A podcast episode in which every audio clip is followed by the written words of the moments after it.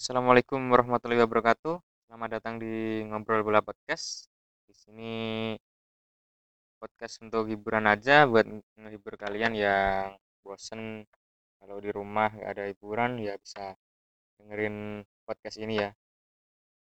Dan di sini gue hanya mau perkenalan aja dan mau jelasin apa motivasi gue buat bikin podcast ini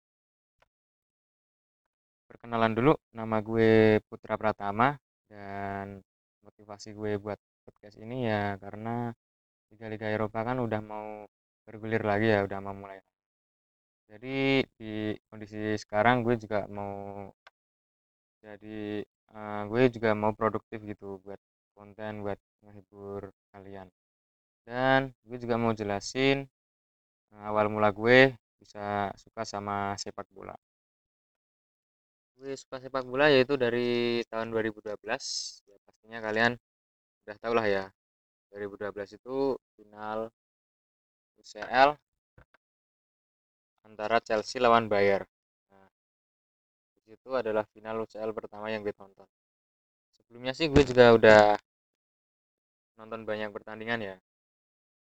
Di 2010 sampai 2012 gue udah nonton banyak. Bahkan dari kecil udah gue udah nonton bola tapi menurut gue nggak ada yang berkesan gitu. Nah, setelah gue nonton final UCL 2012 itu kok wah kayaknya seru dan gue coba kulik-kulik sejarahnya.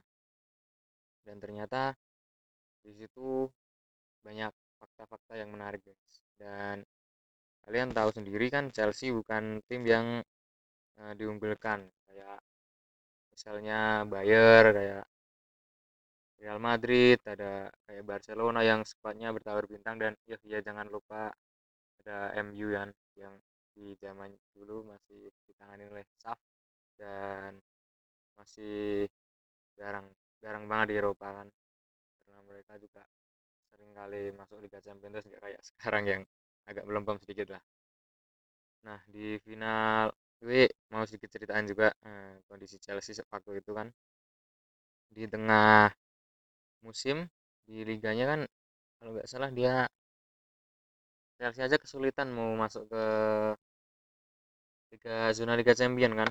Dan di situ Andre Villas-Boas dipecat sama si Roman Roman Abramovich dan digantikan oleh caretakernya yaitu Roberto Di Matteo.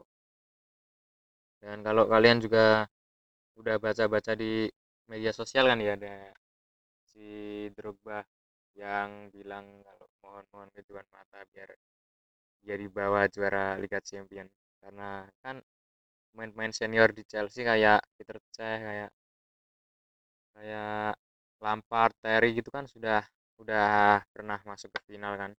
Tapi kalah di babak final lawan tim senegara Manchester United. Yang waktu itu ada tragedi keplesetnya si John Terry pas adu penalti dan Drogba kan juga keinginan kuat gitu.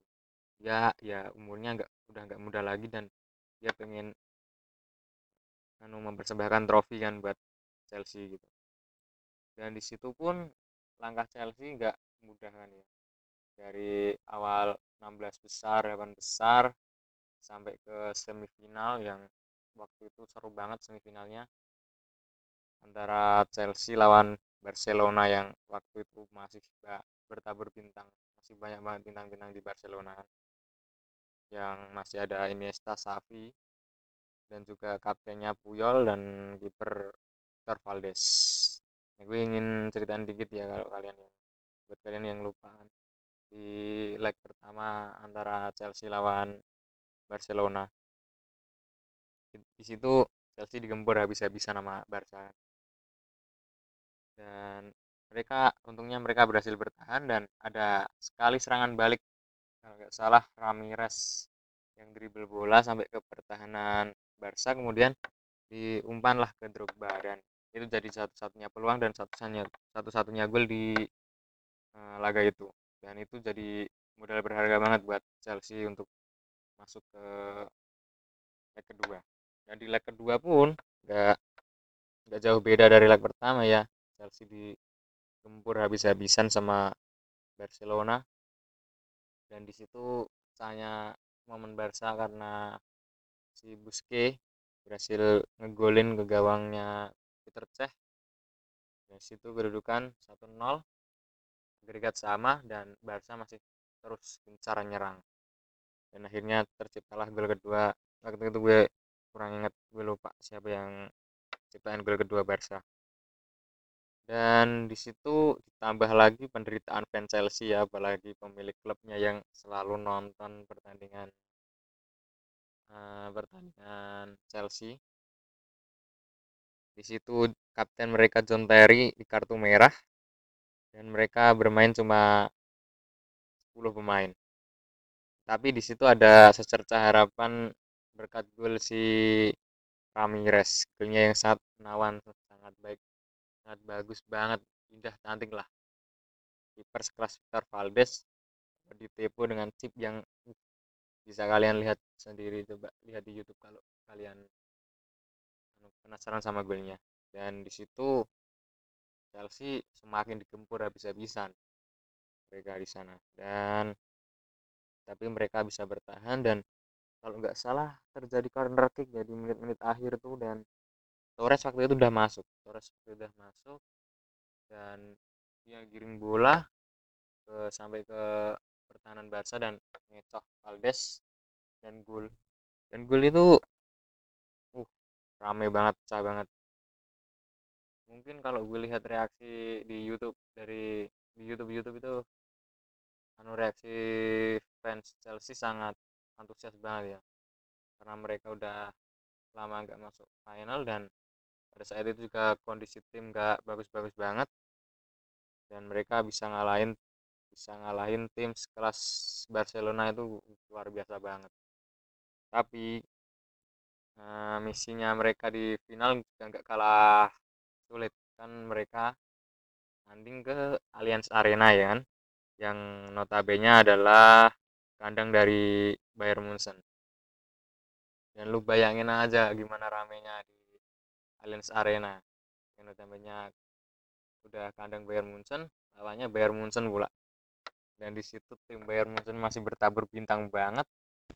Masih ada Philip Lam dan masih ada Mario Gomez ya kalau nggak salah. Strikernya masih Gomez ada Muller. Waktu itu belum ada Lewandowski masih di Dortmund. Ada Gomez ada Muller. Gue lupa Schweinsteiger nah masih ada Schweinsteiger juga. Dan di situ ke di menit berapa? Menit 80-an ke atas lah kayaknya si Muller berhasil ngegolin ke gawang Chelsea. Dan waktu itu kayak gue lihat pemain Chelsea udah pasrah dan gue yakin oh ini pasti bayar yang juara ini. Tapi keajaibannya ada karena anu seperti yang fakta-fakta yang udah dibeberin di medsos kan. Iwan Mata yang ngambil corner dan yang nyambut bola di Drogba dan terjadi gol yang menyebabkan skor satu-satu itu.